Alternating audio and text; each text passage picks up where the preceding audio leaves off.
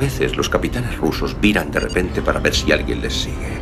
A esa maniobra la denominan loco Iván. Lo único que puedes hacer es parar en seco tu nave y esperar los acontecimientos.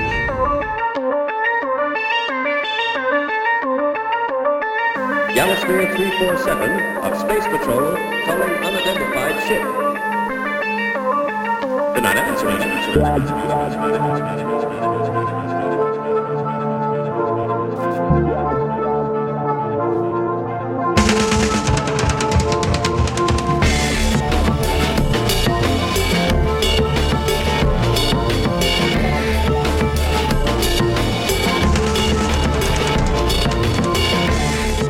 noite a todos e a todas. Noite de venres, de sombras tenebrosas, de xente as agachadas, disposta a coñecer os teus segredos máis inconfesables. Segredos importantes, claro, que poden definir o futuro da Unión Soviética. Segredos como quen é M. Rajoy na trama Gürtel. Oxe, no submarino nucelar máis intrépido de toda a galaxia coñecida, imos falar de espionaxe, que é algo que, por que non dicilo, nos encanta tanto como a disfrazarnos. Teremos noticias, música, lecturas apaixonantes de aprendices de espías e falaremos con Paula Cons, directora e guionista que nos contará a historia dos nazis e do wolframio en Galicia. Oh.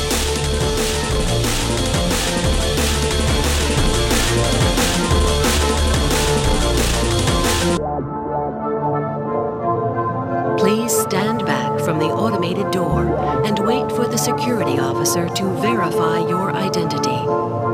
Before exiting the train, be sure to check your area for personal belongings.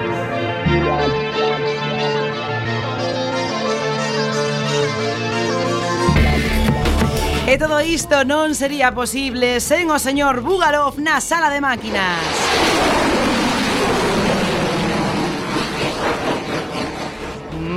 Bueno, xa estamos hoxe lanzando torpedos Por eso teño aquí a miña mm, esquerda Ao camarada Lamelo Boa noite, camarada Cuac resiste Ao xefe de cociña Birnaren Cuac pode resistir, pero non aos seus platos. Non, estaba aquí precisamente cociñando un apéndice. Mm, bueno, ben, está saindo ben.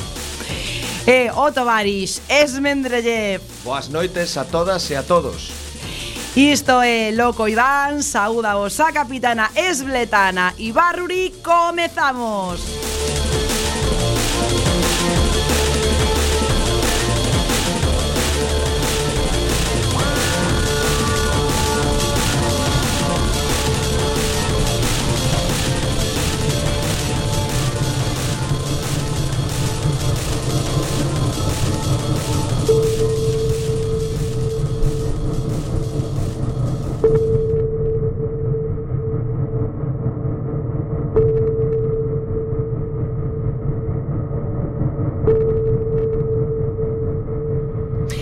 E vamos rapidamente cando son as 10 e 3 minutos da noite a coñecer as noticias máis destacadas da semana. Xa saben, esas noticias que non aparecen nos medios convencionais, esas noticias que non poderán ler nin nos aturuxos do ideal galego, perdón, del ideal gallego, desas noticias que son necesarias coñecer.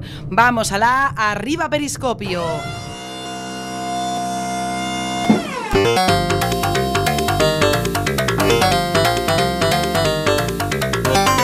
FM. Loco Iván. Periscopio. Pois teremos videoxogo de rol noventeiro Se chama Odd Gods E faino o estudio australiano In Between Worlds E, bueno, pois eso, de estilo dos 90 ambientado nos anos 90 e música dos anos 90 eh, a traducción é podría ser como deuses estranos, ten perspectiva isométrica, combate por turnos e un sistema de alineamento baseado na música comercial, alternativa ou underground, é dicir, a túa capacidade moral dependerá do estilo de música que escoites, como soe pasar na realidade tamén, claro. Non hai masias nin fantasías, pero haberá viaxes no tempo. Poderás, por exemplo, combatir con armas modernas na Idade Media, sen orcos, elfos e demais personaxes fantásticos, pero para compensar haberá gruns. Din que a duración da historia será de 12 horas porque son un estudio independente e pequeno e non lles deu tempo para máis. E eso que tiveron cartos do goberno de Vitoria en Australia. Vos nos 90 non nacerades aínda, supoño. Non no, no. que va.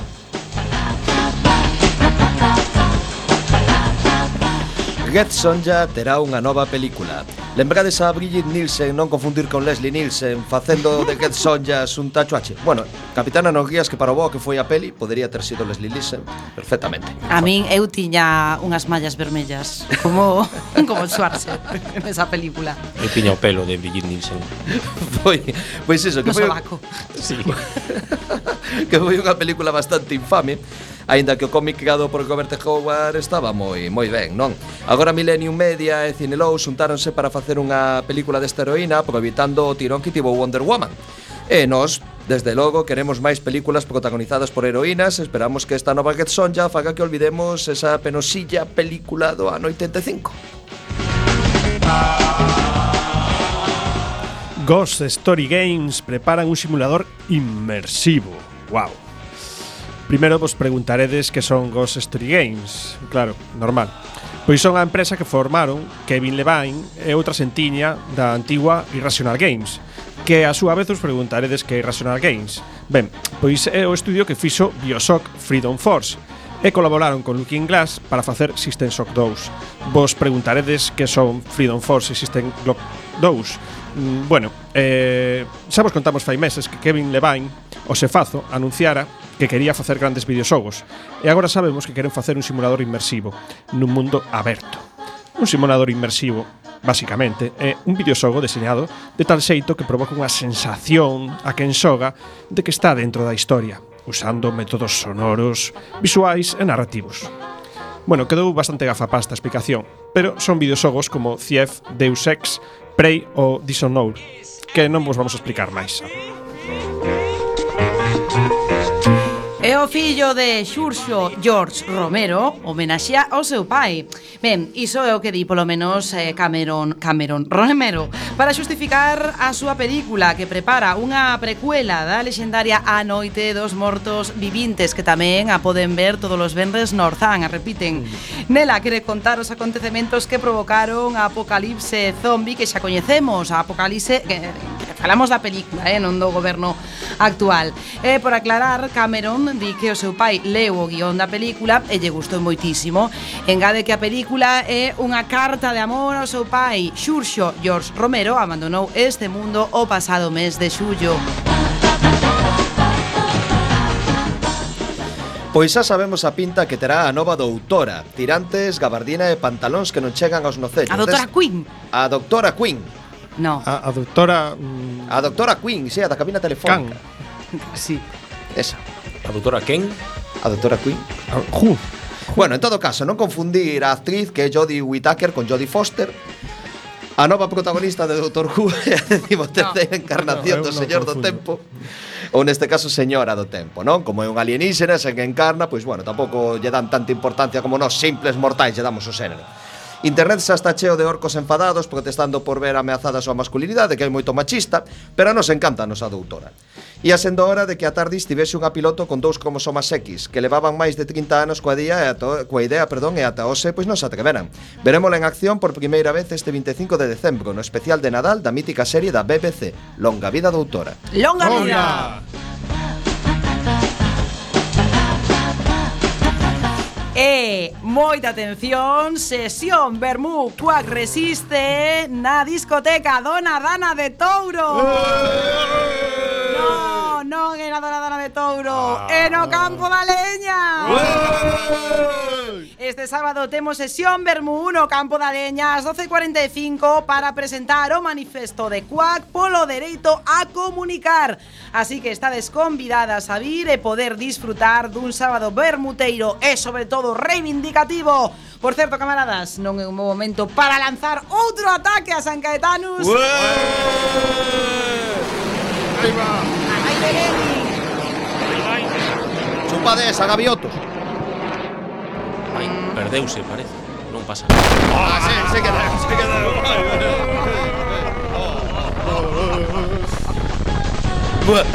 Oh.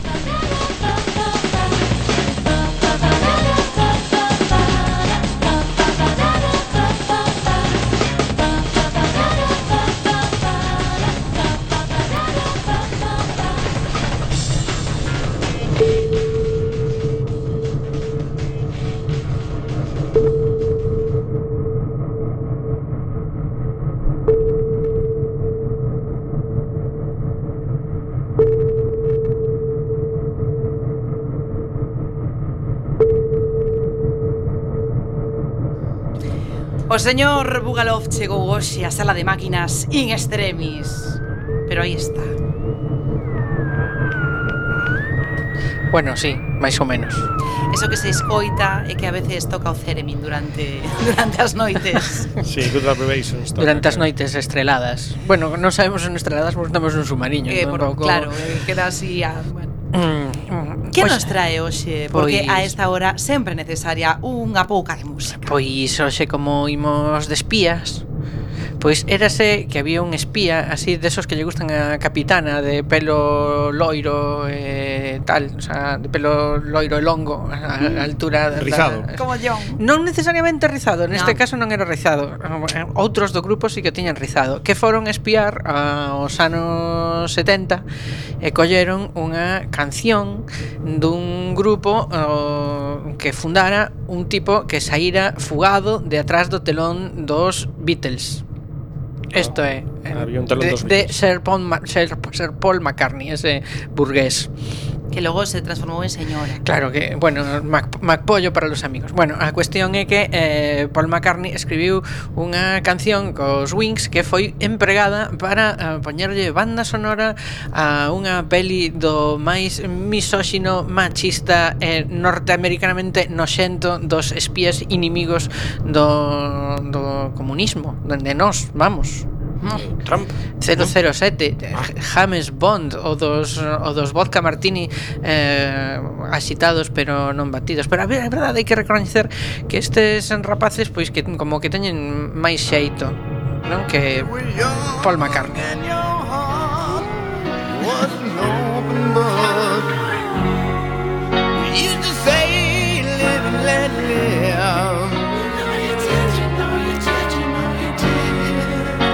This ever changing world in which we live in.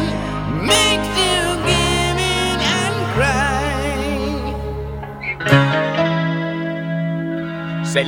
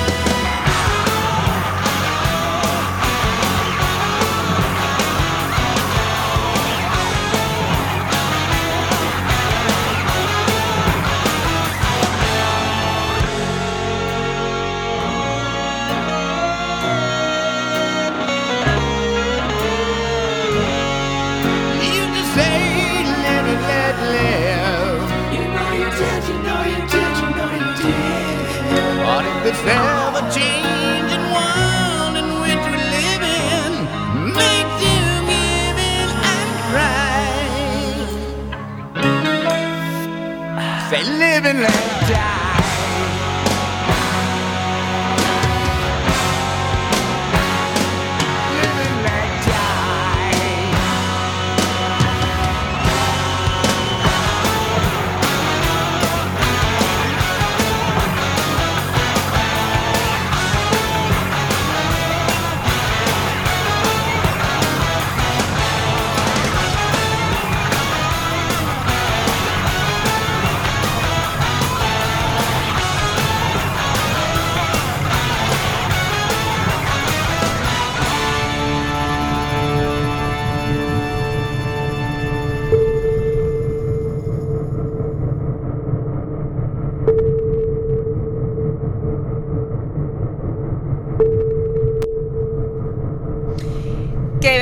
verdade es que boa música me poñedes eh, Tanta que agora eh, xa en, en toda emoción Nos temos que ir cara á biblioteca A ver que libro de casualidade vamos coller Que seguramente vai falar de espionaxe. Mm.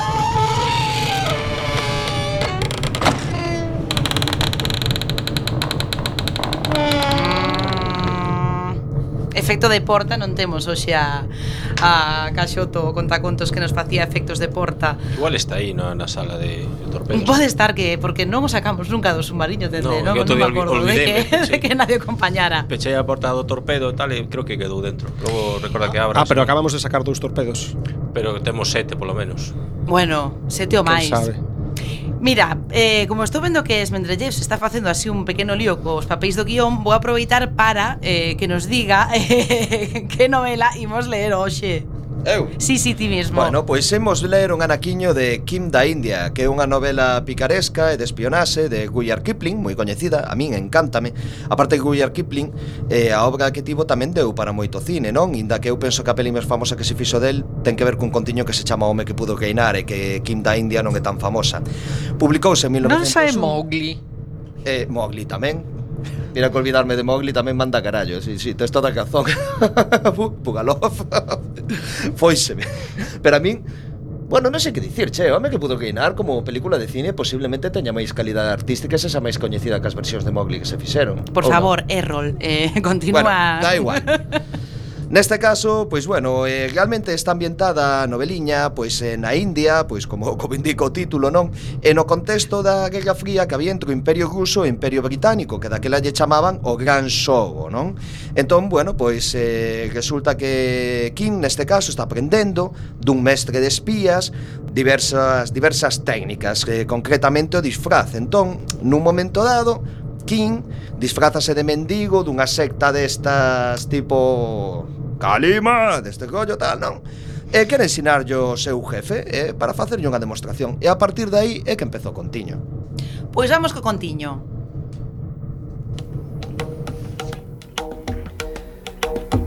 Mm.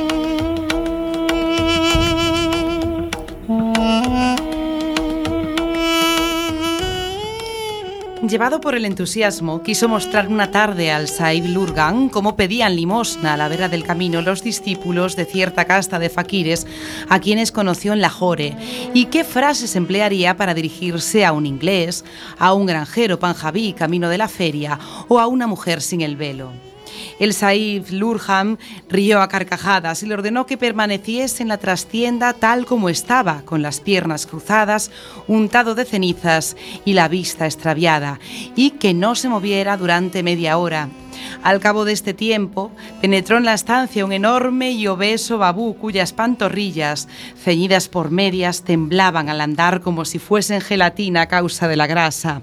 Y King arremetió contra él con un chaparrón de groseras burlas. El Saif Lurgan, y esto molestó mucho a King, contemplaba al babú y no hacía caso de las payasadas que hacía aquel.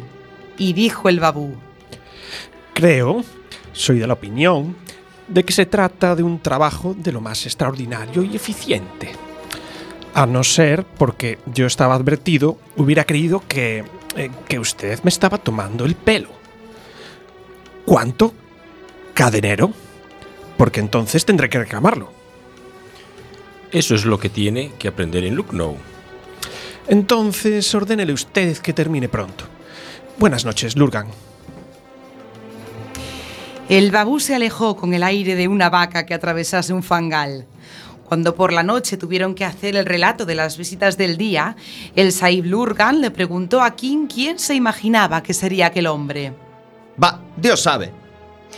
Su tono tal vez hubiera engañado a Mahubali, pero no al curandero de perlas enfermas. Eso es verdad, Dios lo sabe, pero yo quiero saber lo que piensas tú. Kim observó, observó de reojo a su compañero, que tenía algo en la mirada que parecía exigir la verdad. Yo, yo creo que me necesitará cuando salga de la escuela, pero, pero no entiendo cómo le es posible a ese hombre disfrazarse, ni hablar varios idiomas. Más tarde comprenderás muchas cosas. Se dedica a escribir historias para cierto coronel. Es persona muy respetada solo en Simla y es de notar que no tiene nombre conocido, sino solamente un número y una letra, como es costumbre entre nosotros. ¿Y su cabeza también está puesta a precio? Como la de eh, bueno, co- como la de todos los demás. Todavía no. Pero si un muchacho que está en este momento sentado aquí mismo se levantase y fuese, mira, la puerta está abierta, hasta cierta casa que tiene un porche pintado de rojo y está situada detrás del Teatro Viejo, en el bazar de abajo, y murmurase a través de los postigos de esa casa. ¡Hurry, Chunder, Mojaje! Fue quien hizo la delación el mes pasado. Ese muchacho recibiría como recompensa una bolsa llena de rupias. ¿Cuántas? 500 y las que pidiese. Muy bien. ¿Y cuánto tiempo viviría ese muchacho después de entregar la información? Ah, eso es para pensárselo muy bien. Si fuese muy listo, tal vez pudiera vivir hasta el final del día, pero no pasaría de la noche. No, lo que es la noche no llegaría, de ninguna manera.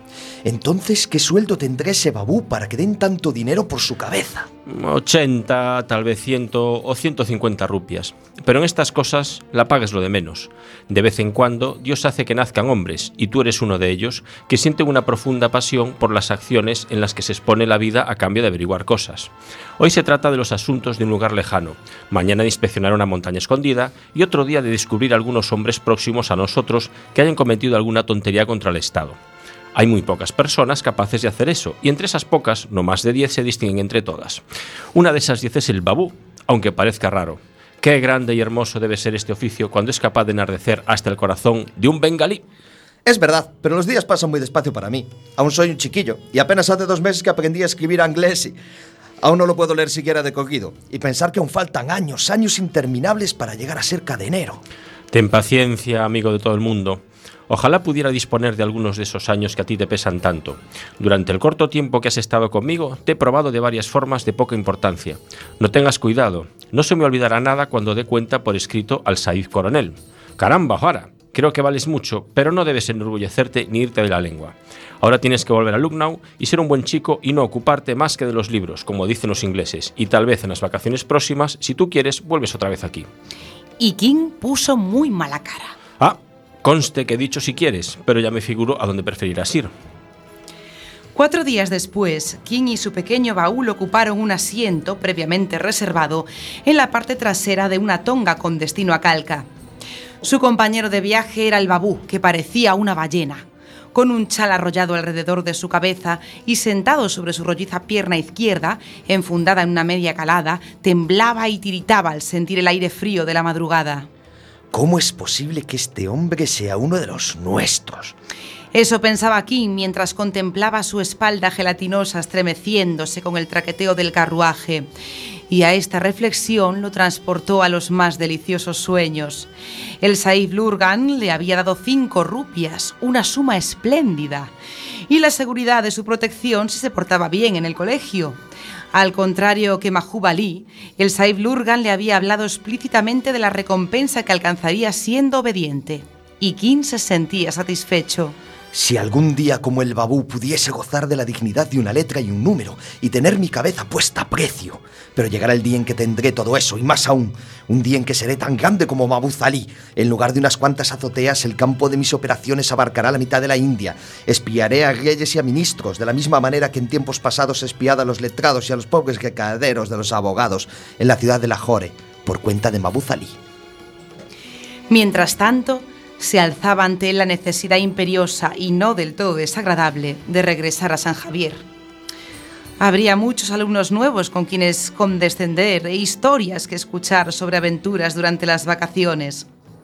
El joven Martin, hijo del plantador de té de Manipur, había alardeado de que iría armado de un rifle a dar batida a los cazadores de cabezas. Eso tal vez fuera verdad, pero seguramente ese joven Martin no había volado a través de un patio del Palacio de Patiala como consecuencia de la explosión de los fuegos artificiales, ni había quien empezó a repasar en la memoria todas sus aventuras en los tres últimos meses. Con seguridad podía dejar estupefa- estupefacto todo San Javier, incluso a los muchachos mayores que ya se afeitaban, si les estuviera permitido contar todas sus hazañas, eso sí. Pero claro, eso no había que hablar ni una sola palabra. Ya llegaría el tiempo en el que su cabeza tendría precio, según le había asegurado el Saif Lurgan, y si hablaba más de la cuenta, no solo perdería la ocasión de alcanzar ese precio, sino que el coronel Gregton se desharía de él y quedaría expuesto a las iras del Saif y de Mahbub Ali durante el poco tiempo que le restase de vida. Y así perdería Delhi a cambio de un pescado. pensó King aplicando el refrán.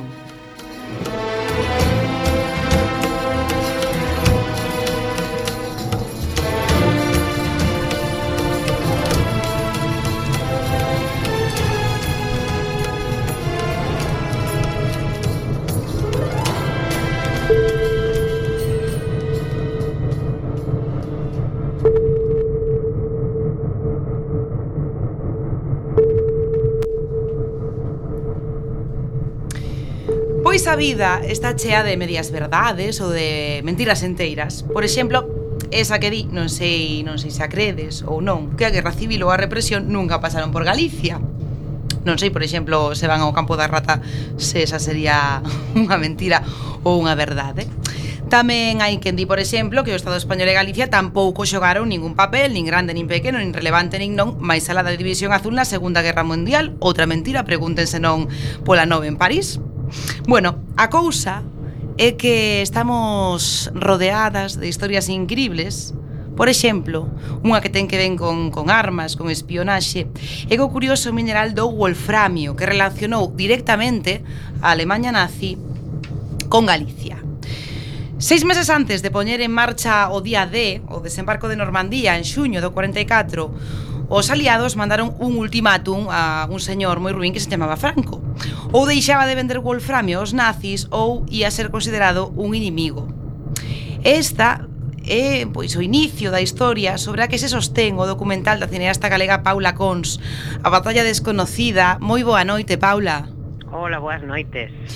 Bueno, como chegas a esta historia que da que sempre se sabía, pero da que se falaba moi pouco, se falou moi pouco en, en Galiza ata, ata hai pouco, non? Sí, increíble, ata hai ben pouco.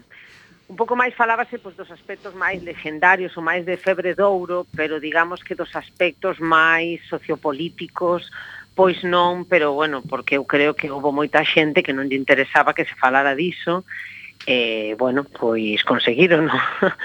Eu cheguei, pois porque sempre me apeteceu, sempre me pareceu que era a historia de ficción que estaba por contar en Galicia.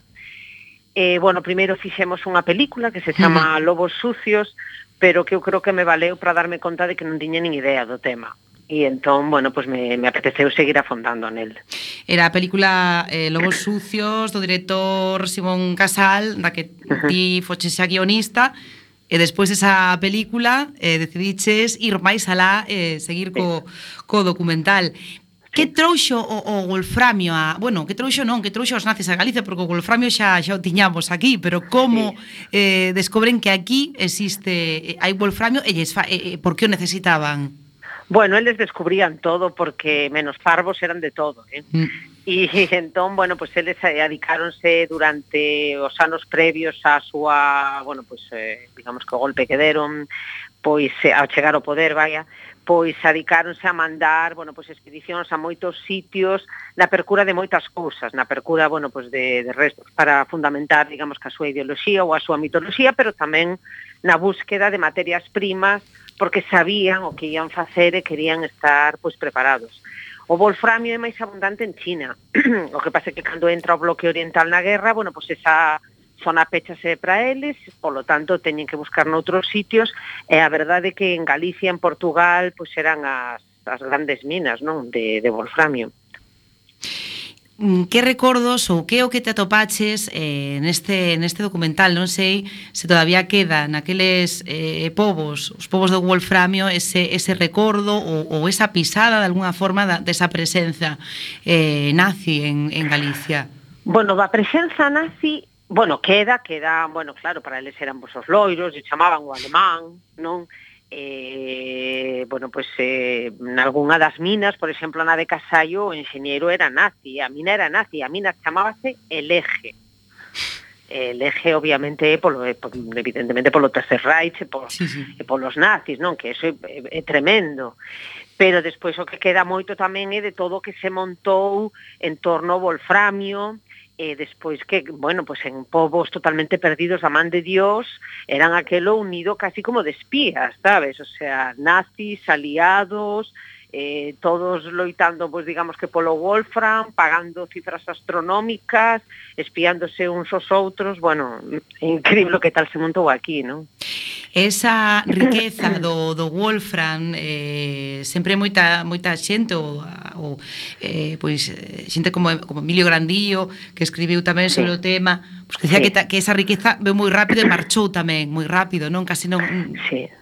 O diñeiro que entra fácil, din nesas zonas que o diñeiro que entra fácil, fácil se va. Hai, por exemplo, unha frase bueno, para min que define totalmente o que pasou nesas, nesas vilas ou nesas pequenas aldeas, que fala, bueno, hai unha anécdota recurrente en todas as aldeas que tiveron Wolfgang, que é aqueles homes que facían eh, pitillos con billetes de mil pesetas. Entón, bueno, pois hai un dos antigos mineiros que me contaba, ferrozos, ese fumou un billete de mil pesetas na porta da mina e morreu na miseria. Pois aí xa está contado todo, non? Eh, hai máis historias, crees que eh, esta historia eh, pois eh, que agora de repente gracias gracias a vos, gracias a, a Simón, gracias a ti, as túas compañeiras, volvémola eh, recoñecer ou, ou, ou volvemos saber máis de desta de historia que estaba aí dormida. Sí Hmm. Eh, hai máis historias como, a, como a esta eh, perdidas en, pois non sei se en Galicia eh, en toda a memoria eh, do que foi un tempo tamén marcado polo terror. Di, eh, de, desa, de, digamos da, do franquismo ou, ou relacionadas co Volframio en xeral, queres dicir en xeral na época do, do da posguerra? Sí.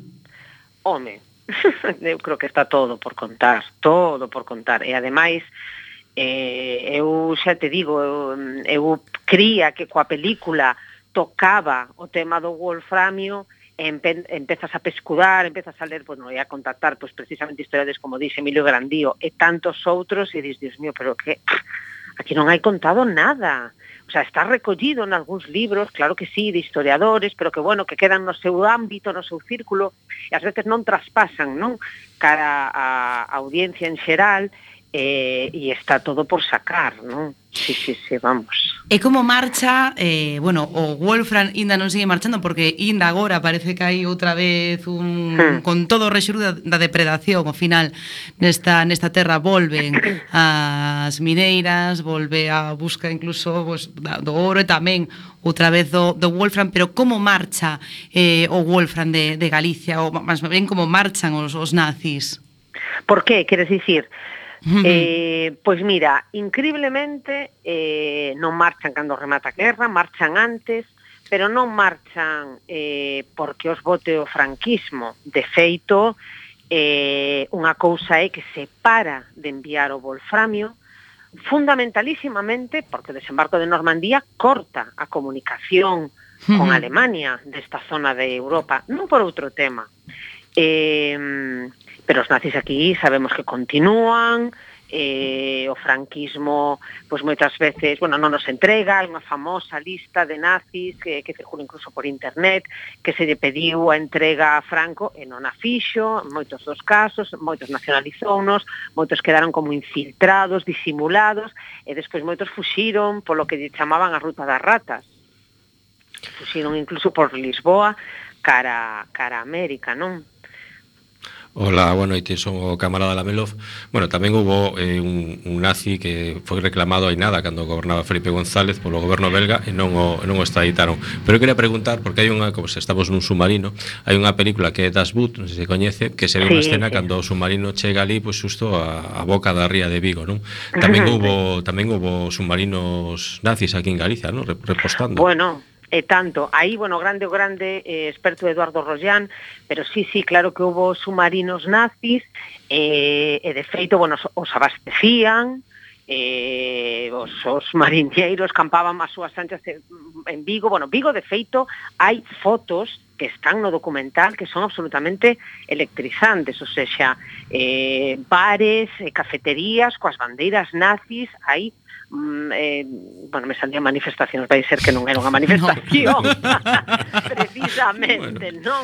Pero vamos, unha marcha triunfal eh, con bandeiras nazis eh, engalanada a cidade, é tremendo, eh? O sea, o de Vigo co, co momento nazi é tremendo.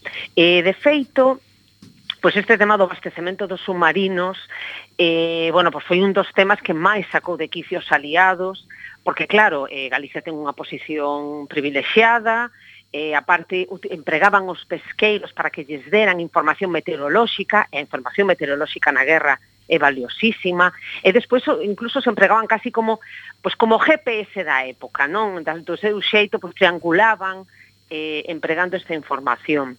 Eh, eh, bueno, eh, os aliados, e, e houve moita loita naval, moi cerca de Vigo.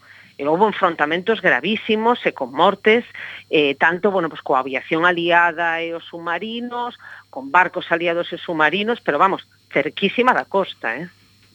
Eh, Paula, como podemos onde podemos ver o teu o teu documental que temos que facer para, oye, pois para que todo isto que nos sí. contas, que tanta xente descoñece ou escoitou sí. eh, de oídas para pois acercarnos un pouco máis que temos que facer, onde temos que ir. Pois mira, agora estamos intentando facer un pouco un percorrido por festivais, pero afortunadamente vaise emitir tanto na Televisión de Galicia, porque bueno, pues participa no documental, como en Televisión Española tamén ou sexa que en calquera das dúas canles tamén poderase ver. Bueno, pois estamos esperando poder poder ver o documental. Paula, moitísimas gracias A por vos. estar esta noite aquí con nós. E xa sabes que tes cando queiras un sitio na tripulación do submarino. Moi ben, pois moitísimas gracias, un placer. Moitas gracias, Paula Cons.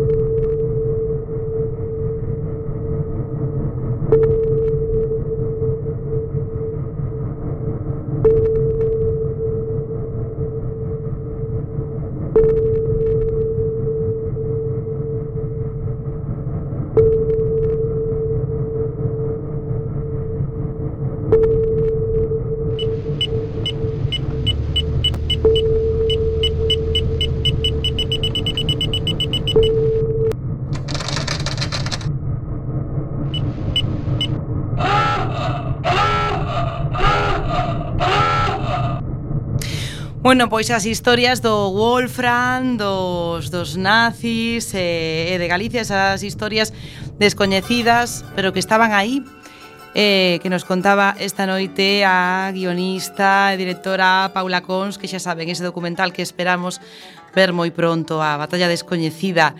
Em, esta música así tan... non sei, tan, tan de apostar... tan de ludopatía así eh, pequeña. eh, bueno, Estamos xa na parte da inmersión, por suposto, se darían conta. Eh, vamos a seguir falando de espionaxe, vai comezar o camarada Lamelov, que é un experto espía. Eh, que que nos traes hoxe? Que nos vas contar sobre a espionaxe? Pois pues algunhas cousiñas de espías, Pois esta musiquiña que soa é a de O Terceiro Home, dirixida por Carol Riz e protagonizada por Orson Welles Aida Bali e Joseph Cotten eh, cun guión do escritor que seguramente coñecedes que Graham Greene un gran escritor eh, con vos libros por certo como eso de ter os vos escritores claro. bueno, unha obra mestra do cine que narraba unha serie de acontecementos na Viena posterior á Segunda Guerra Mundial vamos, unha película que cambiou a perspectiva do cine E falando de, da Segunda Guerra Mundial, hai que falar do espía máis determinante do século XX, din.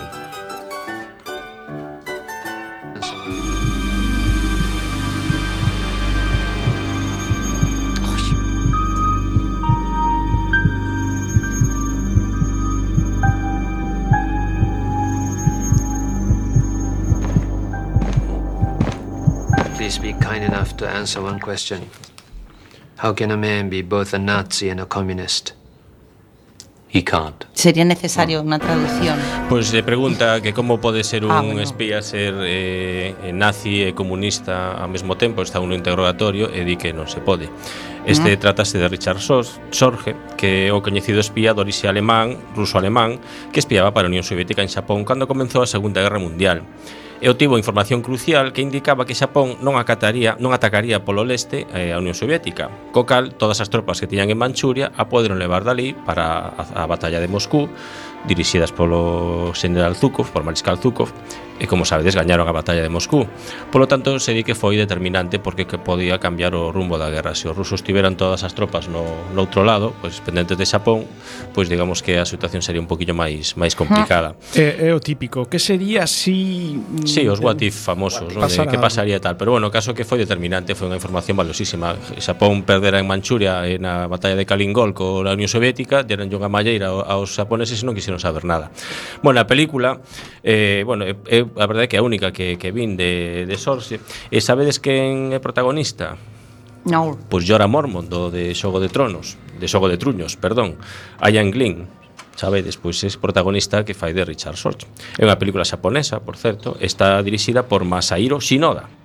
Hmm, ah, eso xa me soa máis A que o coñecedes Si, sí, é eh, que os nomes en inglés me perdo Pero en xaponés si sí que Si, sí, sí. bueno, creo que é a única película que teñen boa en Xapón Bueno, bueno. que xa me tardaba que a primeira vez que lle ouso o camarada falar ben de algo xaponés entón, bueno, o que pasa que a única que hai así de Sorge é un espía que merecía pena falar bueno, a verdade é que como ben sabemos aquí a Unión Soviética tivo un sistema de espionaxe pero moi bo durante toda a Home. Segunda Guerra Mundial do mellor, do mellor ainda fiño. ten, ainda ten. Ainda ten porque mira, imagínate. Si, sí, o que pasa é como estamos aquí pechados, pois pues pouco podemos espiar. Bueno, como, pero nós, por exemplo, de Feijó, das cousas que fai, Sí. Eu conto case a, a diario. Si, sí, aparte Chamo. nos enteramos ben e o padecemos. Claro, por Logo, eso. Logo hai que lanzar outro misil desos. Bueno, Eh, que dicía, na Segunda Guerra Mundial había un, digamos, unha unidade tamén de contraespionaxe, contraterrorismo, sabotaxes e tal que se chamaban a SMERS, que é un nome que lle deu Stalin, que era unha especie de acrónimo de Smert Spionam, que en ruso quere dicir Death to Spies, ou sea, xa morte aos espías. Ah.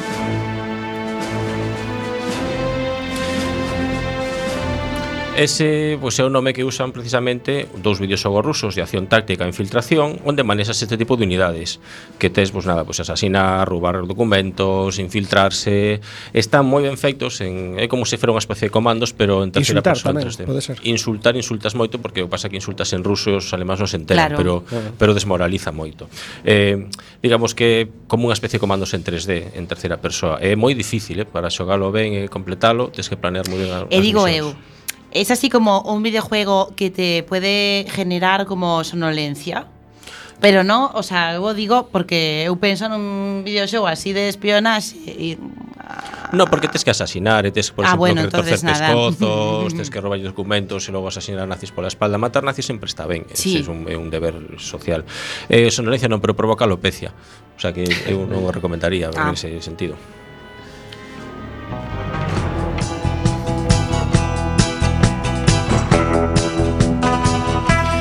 Bueno, este eh, musiquiña que soa que está moi ben é un videoxogo, ou dous videoxogos concretamente que eran No One's Life Forever, sin ninguén vive para sempre, que unha videoxogo de estética setenteira, tipo Os Vingadores ou Super Asente 86, de acción en primeira persoa e que ten como protagonista a unha muller, Kate Archer, de estilo James Bond, pero en bo, eh, bueno, pois moito máis intelixente, por suposto. Mm. Eh, ademais, unha estética, pois eso, tipo pop dos 60, eh, bastante sentido de humor así un poquinho ácido.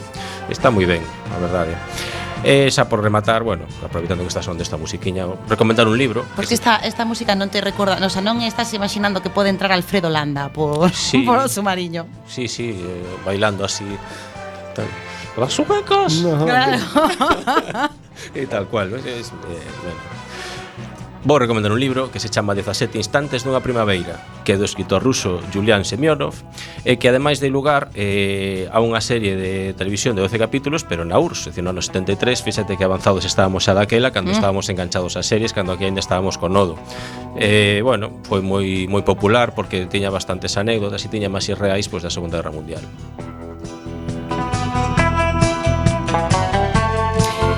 Vamos con Esmendrellev que ten que darnos a súa información semanal sobre o tema do que falamos que é espionaxe. Esmendrellev Que tes que comentar sobre o espionaxe? Pois nada, que a novela de espionaxe, pois eh, queremos falar do, do seu do xénero en sí, pois apareceu Ajá. un pouco antes da Primeira Guerra Mundial, pois co, co uso dos servicios de inteligencia en todo o mundo, non? E que curiosamente, pese a ser un xénero así lixeiro, de aventuras e tal, pois que ten bastante apoio da crítica e hai grandes obras dentro dese xénero, non? Despois da Guerra Fría perdeu un pouco de forza, pero desde a caída do muro máis ou menos desde a caída do muro de Berlín en Que está diciendo? Eh, que caída de que? Ah, perdón, hombre. É un acto ficticio, é un what if, é un what if. Ah, no, que gustaba. É un what if. Imagínate, imagínate que gañaran os capitalistas. Un what if. What if. Ten que deixar de beber. É nada, e eh, agora co, co, co atentado contra os Estados Unidos pois volveu a gañar importancia. De todas formas, eu xa que se falou do, do meu espía masculino favorito, que, favorito que quin na literatura, quixera falar un pouco da miña espía favorita a ver se a que coñecedes.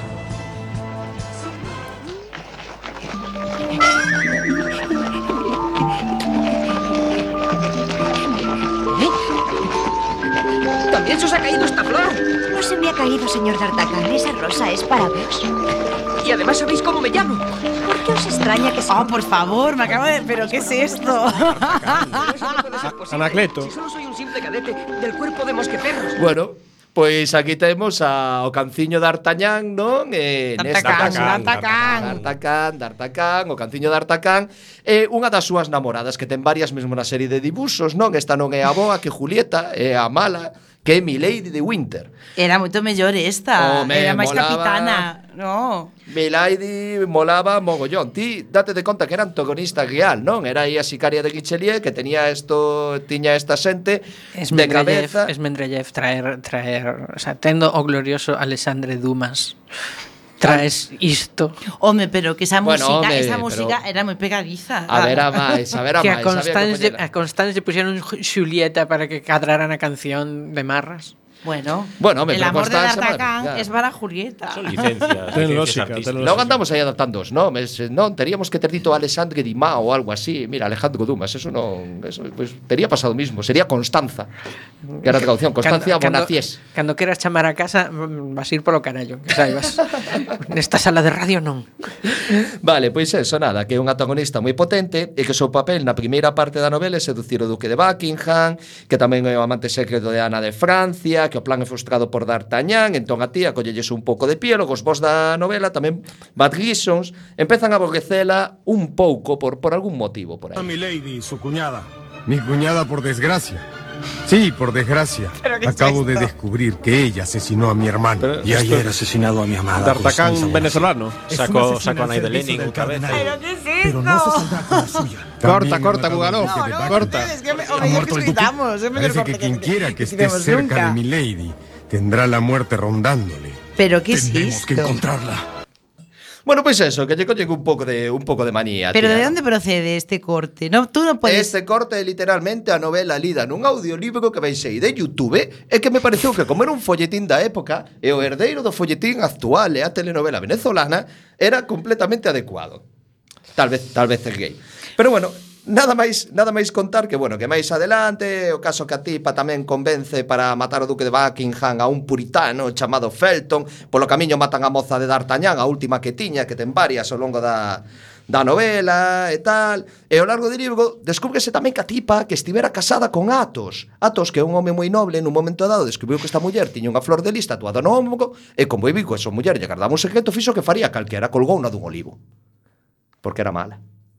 Bueno, Entón, pois, eh, Luis Ciges o, o Esmendrellev o quien seas, por Dios. entón, eh. que pasou? Que pasou? Eso no es verdad. No crean nada de lo que dice este farsante. No, no. Desgraciadamente es verdad, señor conde. Esto Este es Deep ha Web. dicho toda la verdad. Muy bien. Ya saben lo que tienen que hacer con ella. A la mañana siguiente, Milady se enfrenta al ejecutor. ¡Cumple con tu deber!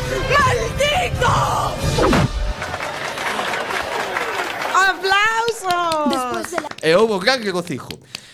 Bueno, eh, nada, simplemente comentar que a novela é unha destas cousas que cando logo a les de cativo é unha cousa e cando a ves de bello outra, que das claro, conta cando, do, cando a ves en machismo, telenovela é terrible. Bueno, eu quería que marcar agora que realmente cousas que se asumen como normais neste guión, pois pues que, que bueno, que os por serían no, no, debida, no. debidamente castigadas pola audiencia, non? Pero que está bastante ben. E sobre todo, eh, que hai unha cousa que me gusta moito que é cando se cargan a esta muller do, do cardenal, como termina sacando como termina safando D'Artagnan, non?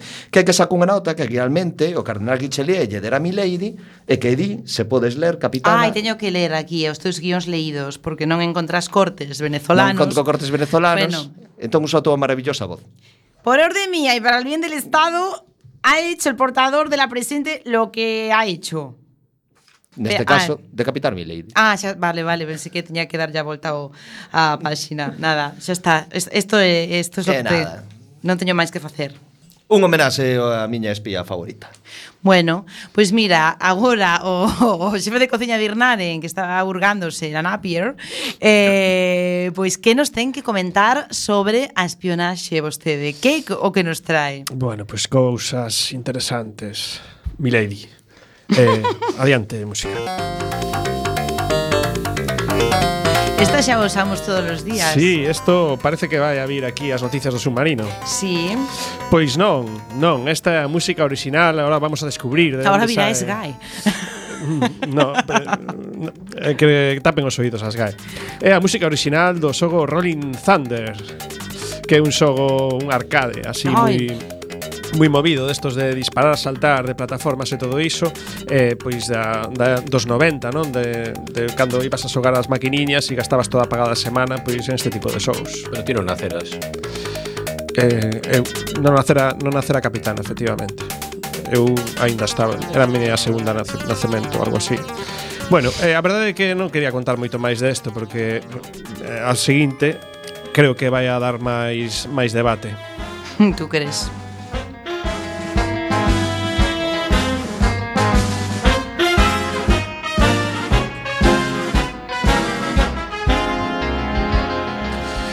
A ver quen adivina de que de que esta esta banda sonora. Super a 186. Super a 186, efectivamente. Cantábame de capaz. Sí, eh, é unha serie Tú de nunca can... fuche rapaz. Sí, sí, era un, era un capaz destos de pipis, pero eras, sí era capaz. Pipi, eras seguramente rapaz bello xa. Bien joven. Efectivamente. Era era unha serie de 1965, perfectamente podía ser rapaz eh, aquí o, o noso camarada Eh, ou, ou tamén cando a volveron a votar, non? Que, que foi cando vimos todas, que nos anos 80, un sábado pola mañá. Bueno, así, bueno, te media... tires el moquín, eh? Ti xa biches no 65. No 65, a vin por primeira vez, pero Home, cando era rapaz... Eu, ti xa levabas a toga aí para a universidade. Eu, claro, eu, eu levo 40 anos de rapaz, entonces pues, desde ali ainda era rapaz. Bueno. bueno, pasamos ao seguinte, que isto é unha serie tamén. Menschen unter Kontrolle bringen! Verstehen Sie doch, hä? Sag mal, was ist hier eigentlich wirklich los? Ich sitze hier voll in der Scheiße, was soll ich denn machen?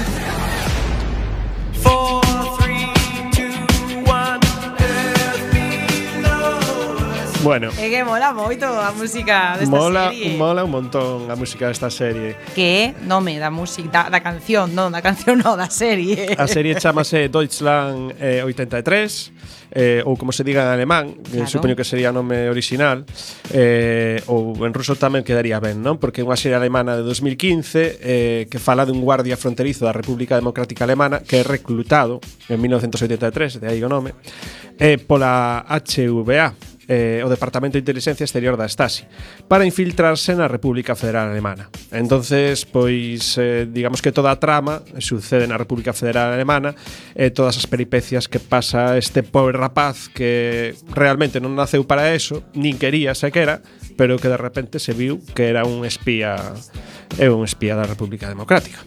Nos a Esmendrellejo mandamos xa hai moito tempo mm Vale, a República Federal, pero nada, o mandaron de volta, non o non era no. un espía.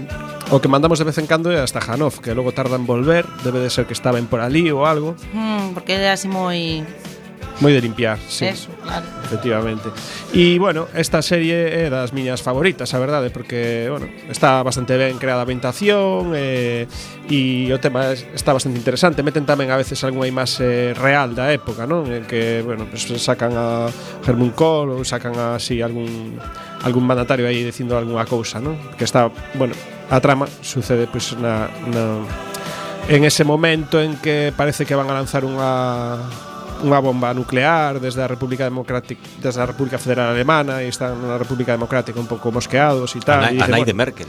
Teñen. Mira, eu como mm. quedan uns minutos teño que preguntar porque eh, non nos gusta nada os machirulos neste submarino que por eso temos unha capitana, pero quen é o voso 007 favorito? tedes un minuto para dicilo. Son Connery, sen o, o alguén, algún morreu, porque a min son os meus Eu é que non vi ninguna película de 007. Non o sea, a saturo. Por aí... Quizás sin Connery, pero porque sin Connery como actor, ainda que tamén é bastante machirulo, pero... É bastante machirulo, por eso a mí me gusta sí. mucho. Timothy Dalton, porque nunca eh. recordamos. Fixo unha, nada máis. Sí. Pois pues la mejor. Mm. Bueno, pois pues nada, con este recordo hacia Timothy Dalton, Ah, espera, me están diciendo que me teño que, que me teño que calar para que escoite a audiencia esta música. Claro, é ¿Por qué? magnífica. Porque nos quedamos un pouco cortos, entón xa pues ti, Sí, tiven que dicir sobre que todo la Timothy Dalton é era bastante era o meu corta. 007 favorito. Ah, e tedes que ver a serie tamén de Americans. Ah, é certo, é Por- di que certo. está moi ben, sí. Eh, Está moi ben. Mira, eh, qué cuñadismo es esto. Ah, eh, dicen que está sí, muy bien, sí, estamos por eh, favor. Bueno, o sea, estamos en un programa de radio, no, no se puede. Está este. moi ben porque fala Hombre, de, falarse vela. Fala de, de, de espías eh, soviéticos está en Estados Unidos, unha parella. E que ten relación co famoso caso pues, de, da parella tamén que eh, a xulgaron e condearon uh -huh. injustamente por espionaxe de, pola, no caso da, e a que, da descubrimento da bomba atómica. A que a condearon, entón? a, pois, pues, digamos, a unha morte ah. tenebrosa e silenciosa. Limpando o submarino por fora. Con gran espectáculo mediático. Mm. Bueno, pois... Mañá, Nada, que agora mañá xa todas, podo. todas aí certo, no campo da leña, Acordadevos, as que nos estades escoitando agora, as que sexa logo, pois xa nada. Pero mirade, mañana se estades na Coruña, acordadevos de ir ao Bermú, ao campo da leña, a Praza de Spain para o que sexa inglés mm. eh, das inglés. Teredes eh, a oportunidade de coñecer a tripulación do Teredes a oportunidade, Iván, efectivamente, o sea, de coñecer, eh, bueno, vamos, vai facer empanada, birnaren, vai ser unha cousa loquísima, pero sobre todo o que vamos a reivindicar é o dereito a comunicar, que é un dereito pois que temos todas, pero que hai xente pois que non quere que o teñamos, pois xente que anda por San Caetano, por exemplo, pero bueno, non pasa nada, que vamos a seguir comunicando, pero quereríamos facer facelo dende a FM. Pero nada, eh, mirade, eh, que o pasedes moi ben, que se xades moi felices, eh, que bebades vodka con moderación e nos vamos volver a escoitar dentro dunha semana o Benres que ven, que non sei de que vamos a falar, pero ai, que vamos a falar de Batman o Benres que ven, de todos os morcegos. Ah, sí? Ah, sí? sí, porque así xa o digo e xa non podedes non dicir que non. Bueno, pois pues nada, Viva que vos capitana. queremos moito e eh, eh, eh, que mañá nos vemos e eh, que cuá resiste. Eh.